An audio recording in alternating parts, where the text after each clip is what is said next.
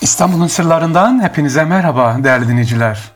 İnşallah gününüz güzel başladı, güzel devam etsin.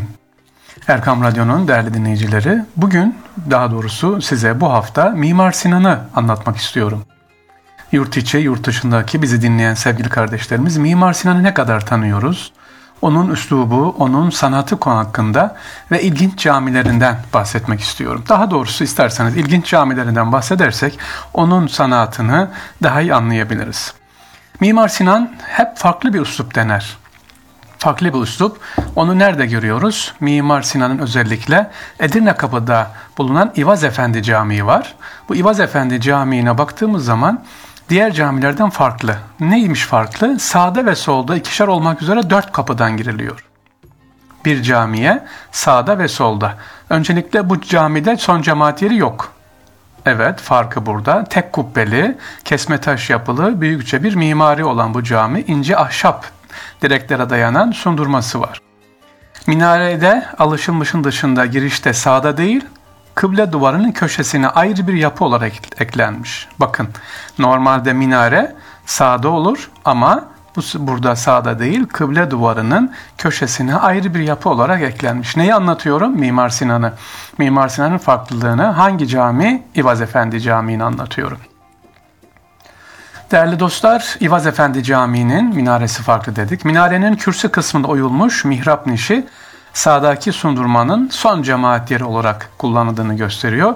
İvaz Efendi Camii'nin en büyük özelliği ise büyük giriş kapısının ya da kapılarının olmayış. Heh, her camide hani olur ya büyük bir kapı, onun yerine sağda ve solda ikişer kapıdan dört kapı yer alıyor. Niye acaba? Hadi bakalım bunu soralım.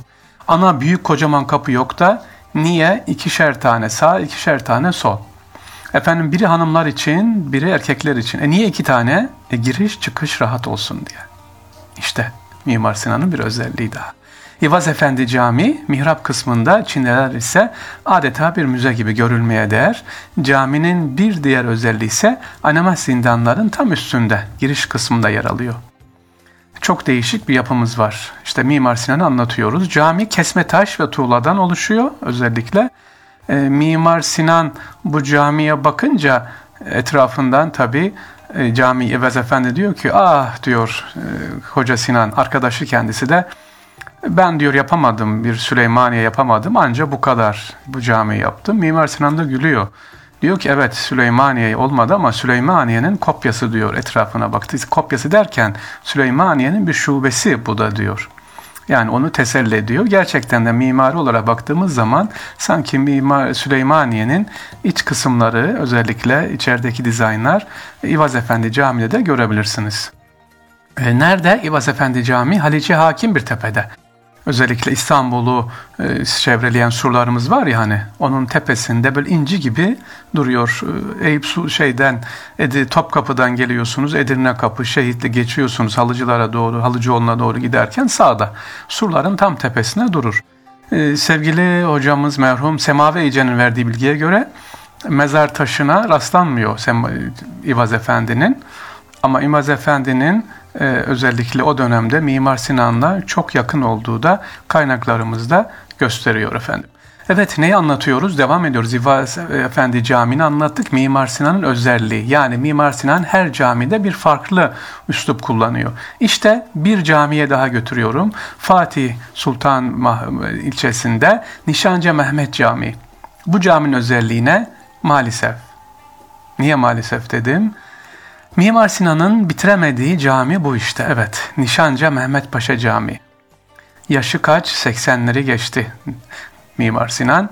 Nişancı Mehmet Camii başlıyor. Fatih Nişanca Caddesi'ne e, cepheli olan bu camide 1594 yılında Mimar Sinan tarafından inşasına başlanıyor ama başlandıktan sonra e, ömrü kafi gelmiyor merhum Sinan'ımızın.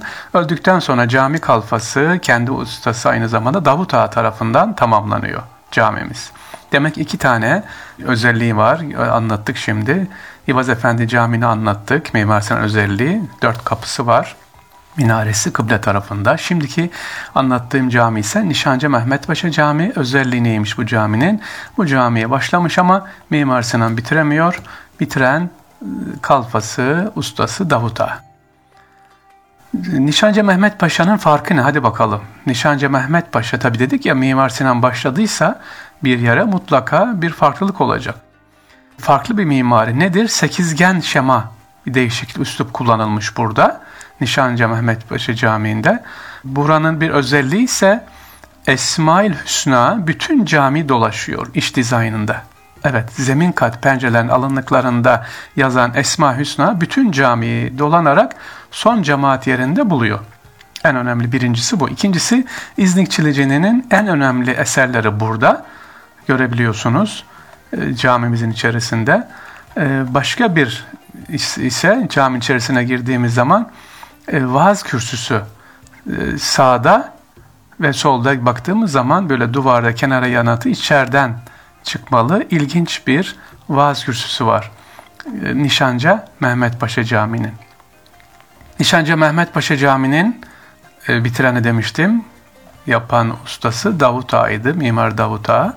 Bunun da İstanbul'da başka eserleri de var. Bir başka programımızda inşallah Mimar Sinan'la birlikte Davut Ağa'yı da Mimar Sinan'ın talebelerini de anlatırız. Efendim şimdi başka bir eseri daha var Mimar Sinan'ımızın ona bakalım. Ee, Mimar Sinan'ın kendisi, kendi türbesini anlatacağım. Evet özelliği ne? Kendi türbesi açıktır. Süleymaniye'nin hemen sol köşesindedir ve şimdi size anlatacağım, uzun uzun anlatmayacağım. Mimar Sinan'ın türbesinde kullandığı kavuğun sırrını anlatacağım. İnternetten bakarsanız Mimar Sinan'ın mezarını görürsünüz. Türbesini açık bir türbedir ama sarığı var orada.